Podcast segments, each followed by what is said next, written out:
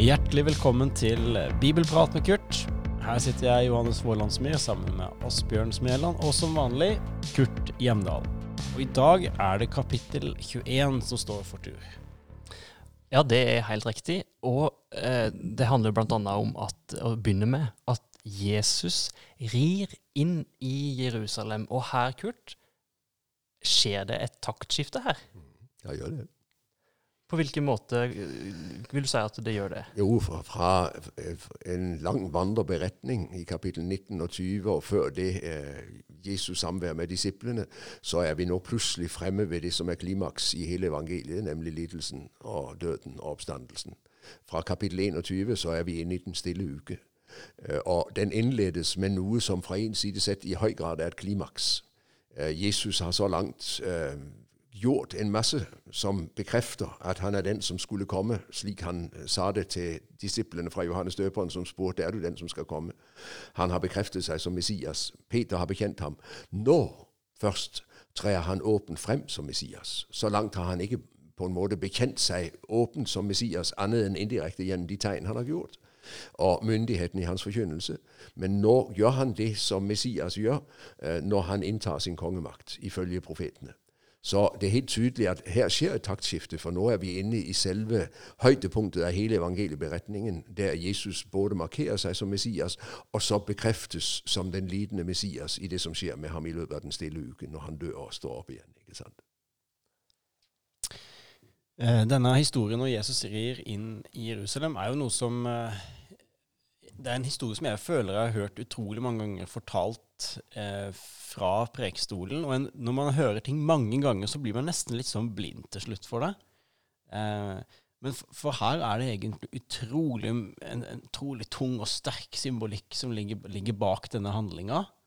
Eh, vi, måtte, eh, fortelleren Moteus, han kommenterer jo eh, ved at han eh, siterer fra profeten.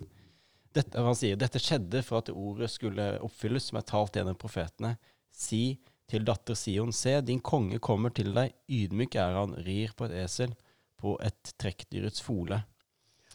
Um, og så senere, Hosianna Davids sønn, velsignet han som kommer i Herrens navn, Hosianna i det høyeste. Det at Jesus velger her å ri inn i Jerusalem på denne måten, ydmykt på et esel, det er ikke noen sånn tilfeldige ideer Jesus har kommet på. Her ligger, det, her ligger det mye mellom linjene. Nei, og Det er jo veldig interessant at her får du altså igjen denne formuleringen som vi hadde tidlig i evangeliet omkring dette med profetoppfyllelse, profetioppfyllelse. ikke sant? Nå skjer det noe. og Vi får både et profetord fra Zakaria 9, og vi får et salmevers fra Salme 118. Så her er Skriften sterkt inne, og det er tydelig om for Matteus å markere når skjer det noe epokegjørende. Hva er det som skjer? Ja, det er jo nettopp at nå kommer Messias, kongen. For Zakaria 9, vers 9 forkynte Se, din konge kommer til ydmyk og ridende på esel, uh, trekkdyrets fole. ikke sant? Og så gjør Jesus det. Altså, nå trer Messias åpent frem. Og det er slik det oppfattes. Derfor møtes han av et jublende folk. Tenk, Messias er her. Derfor møtes han i neste omgang av en surmulende uh, ledelse fra tempelet, øverste prester, skriftlærde og også fra fariseerne. For, for, de vil ikke anerkjenne ham som det. De har jo tvert om underkjent ham og sagt at han er besatt av en ond ånd. Og nå får han altså folkets oppmerksomhet som Messias. Så nå spisser det seg til øh, fra lederskapets side overfor Jesus. Og Jesus han har altså kastet all forsiktighet på båten. Nå er tiden inne for den avgjørende konfrontasjon, og han trer åpent frem. Så dette er en meget viktig beretning, og det er jo interessant at i kirkeåret møter vi den både på palmesøndag og på første søndag i advent, og det sier jo noe om hvor viktig den er. To ganger i løpet av kirkeåret møter vi denne teksten. Hvilke andre tekster møter vi to ganger?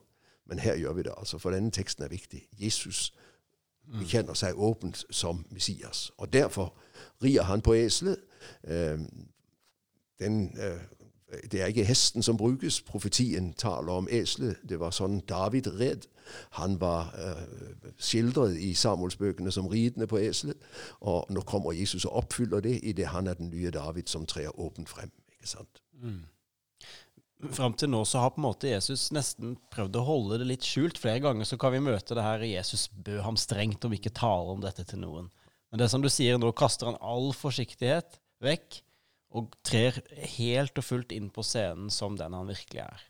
Trykker på alle Messias-knappene. Og, folk, og, la, og, og mottar folkets hyllest, uten å gjøre noe forsøk på å dempe det. Ja. Vi skal jo se det i neste avsnitt, fra vers 12 til vers 17, hvordan når barna lovpriser ham, så eh, blir overpresten og de skriftlærde de, de vil ha ham til å lukke munnen på dem. Men Jesus lukker ikke munnen. Nå gir de ham den ære som tilkommer ham, for han er Messias, og nå tar han imot hyllesten som Messias. Og så eh, kommer jo Jesus inn på tempelplassen. Eh, Johannes han skriver vel ganske tidlig i sitt eh, evangelium. Men her, men her kommer det jo i, i påskeuka. Eh, er det sannsynlig at det skjedde to ganger? Det er der i hvert fall ikke noe i veien for. Nei? Eh, Men om eh, Johannes eller Matteus har byttet rundt, eh, det får stå åpent. Jeg tror det har skjedd to ganger. Jeg tror Jesus renser tempelet ved inngangen til sin tjeneste for å markere hvem han er. Og han gjør det nå igjen ved avslutningen av sin tjeneste for å markere at tempelet er Guds hus, og at her kommer Herren til sitt tempel. Hvis du slår opp i Malaki 3, eh, så er den siste bok i Det gamle testamentet en bok som taler om dette. Herren kommer til sitt tempel. La meg få lov å sitere for deg i Malaki 3. Se, jeg sender min budbærer, han skal rydde vei for meg. Det var døperen. Og så kommer det. Brått kommer han til sitt tempel, Herren som dere søker, paktens budbærer, han som dere lengter etter. Se, han kommer, sier Herren over herskarene. Men hvem kan utholde den dagen han kommer? Hvem kan bli stående når han viser seg? Nå kommer Herren og rydder sitt tempel for alt det som ikke skal være det, slik at han som skulle være tempelets sentrum, kan få den plassen han tilkommer. Og så markerer Jesus seg også på den måten som Messias. Herren som kommer til sitt tempel, og som inntar det, og har fullmakt til å rydde det, og skaper full furore. Hva innbiller han seg? Hva tror han han er? Ikke sant? Og de reiser seg mot ham når barna de hyller ham, for, for, for dette går da ikke an. Jo, det går an. Det stemmer med Skriften. Og så oppfyller Jesus altså løftene. Og den som vil se, han forstår. Men de som ikke vil se, de skjønner ingenting. Så, så når han, når han eh, når han velter pengevekslernes bord og duehandlernes benker, og så sier at 'mitt hus skal være et bønnens hus', eller et bedehus, eller Ja. eh, Men dere har gjort det til en røverhule. Hva, hva er måte, hva er den dype symbolikken her? Ja, den er veldig dyp. Der gjør det til en røverhule. Da er vi tilbake i Jeremia-boken kapittel 7, hvor Jeremia holder sin berømte tempeltale, og hvor han anklager Israel for å ha gjort tempelet om til et, eh, en røverhule, et hus hvor man først og fremst søker sine egne fordeler på de andres bekostning. Og på grunn av det, hvis ikke de vender om, så kommer dommen. Nå kommer Jesus og gjentar eh, Jeremia-ordet og sier sånn som dere opptrer, så er det akkurat som Jerusalem på Jeremias tid. Husk hvordan det gikk. Og dermed så sier han derfor må tempelet renses. Her må uh, alt dette ut som ikke skal være der, for dette er ment å være et bønnens hus. Uh, ifølge Esekiel så forlot Herren tempelet pga. Israels synd. Nå står Herren i sitt tempel. Skal han igjen kastes ut, eller skal han få den plass han tilkommer?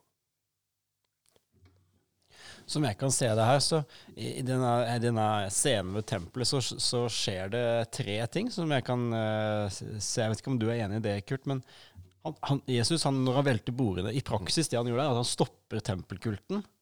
Og så påpeker han og refser den falske gudsdyrkelsen. Og så helbreder han en blind og en lam. Jeg tenker Det kan ikke være tilfeldig at disse tre Han går inn, rir opp, går inn, og så gjør han disse tre tinga. Nei, det står jo i samme sammenheng. Det er Messias som nå trer tydelig frem. Han lar seg hylle som den messianske kongen. Han renser tempelet fra det som ikke skal være der, og setter altså de som er i tjeneste i tempelet, på plass og sier jeg har tillatt det som ikke har noe rom i mitt hus, istedenfor å la meg få være sentrum i huset mitt. ikke sant? Så bekrefter han sin myndighet i det han helbreder, og så lar han seg igjen hylle av barna. og øverste prestene og skriftlærde så under når han gjorde, hørte barna som ropte i helligdommen, og spurte ham, hører du hva de sier? De er dypt forarget. Hvordan kan du gjøre det? Og Jesus svarer dem konfronterende. Ja, svarte Jesus, har dere aldri lest fra småbarns og spedbarns munn har du latt lovsang lyde, det er salme åtte. Så forlot han dem. De eh, blir satt på plass i det han gjør. I neste omgang setter de tilsynelatende ham på plass, tror de. Men de settes på plass en gang til påskemorgen. ikke sant?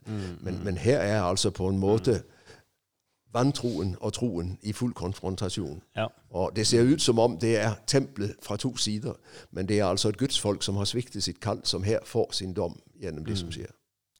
Og så går vi fra en skikkelig hard konfrontasjon, der Jesus trykker skikkelig på på tempelplassen, eh, til en historie der det står Da han tidlig neste morgen var på vei inn til byen, så det er tydeligvis gått en natt der, blir han sulten, og så får han, Jesus se et fikentre, og så går han for å kikke og se om han kan finne noe, og så er det ingenting.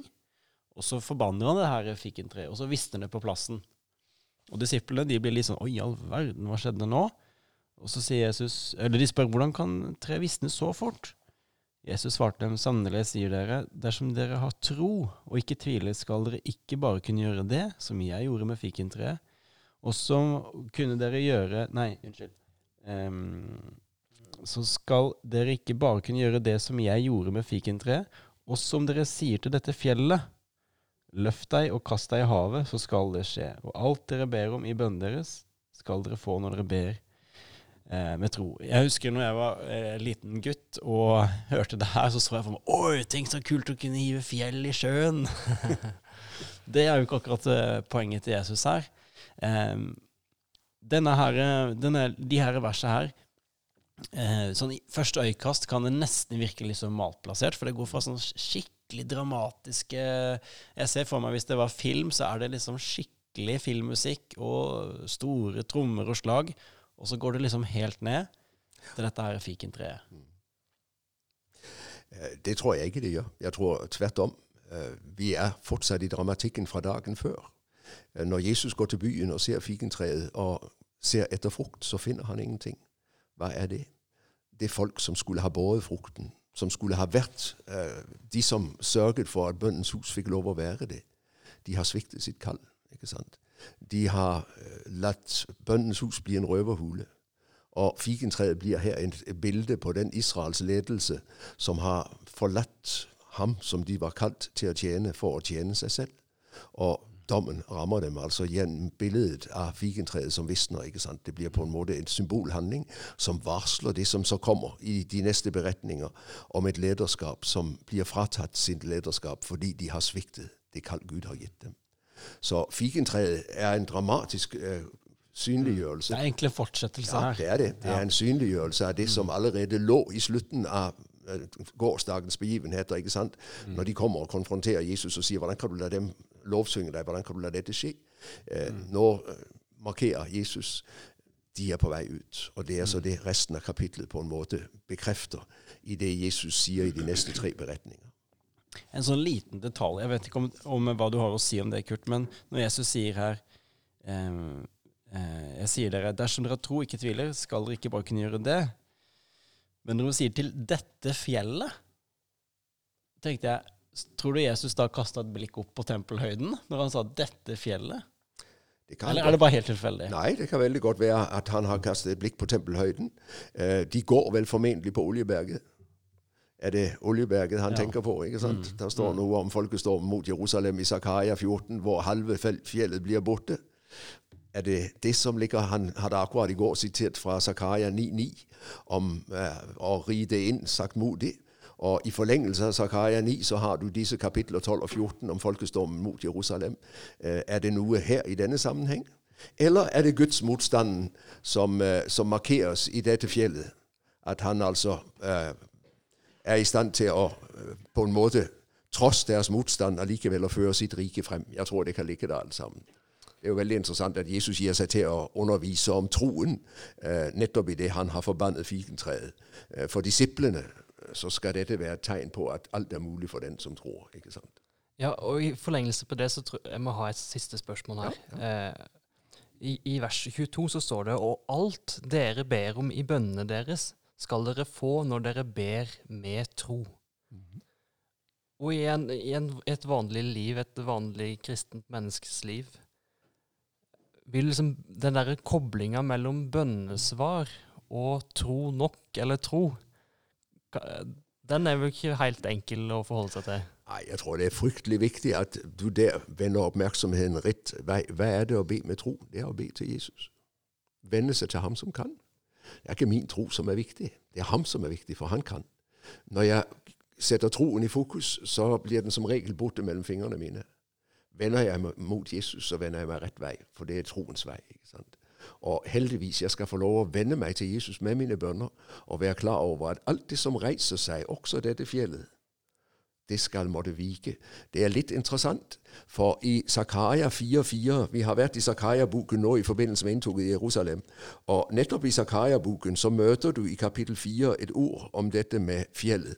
For der er det tale om å bygge tempel i Jerusalem, og det er jo tempelet vi er i. ikke sant? Og der står det at eh, Herren han skal eh, la tempelet bli bygget. Ikke ved kraft og ikke ved makt, men ved min ånd. Og så tales det noe om at dette fjell må vike i det Herren fører sitt rike frem. altså. Han skal fullføre det. Så, så Gud gjør det han har lovet, ikke sant?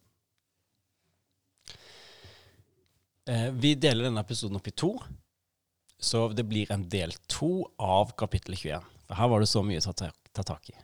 Vi snakkes.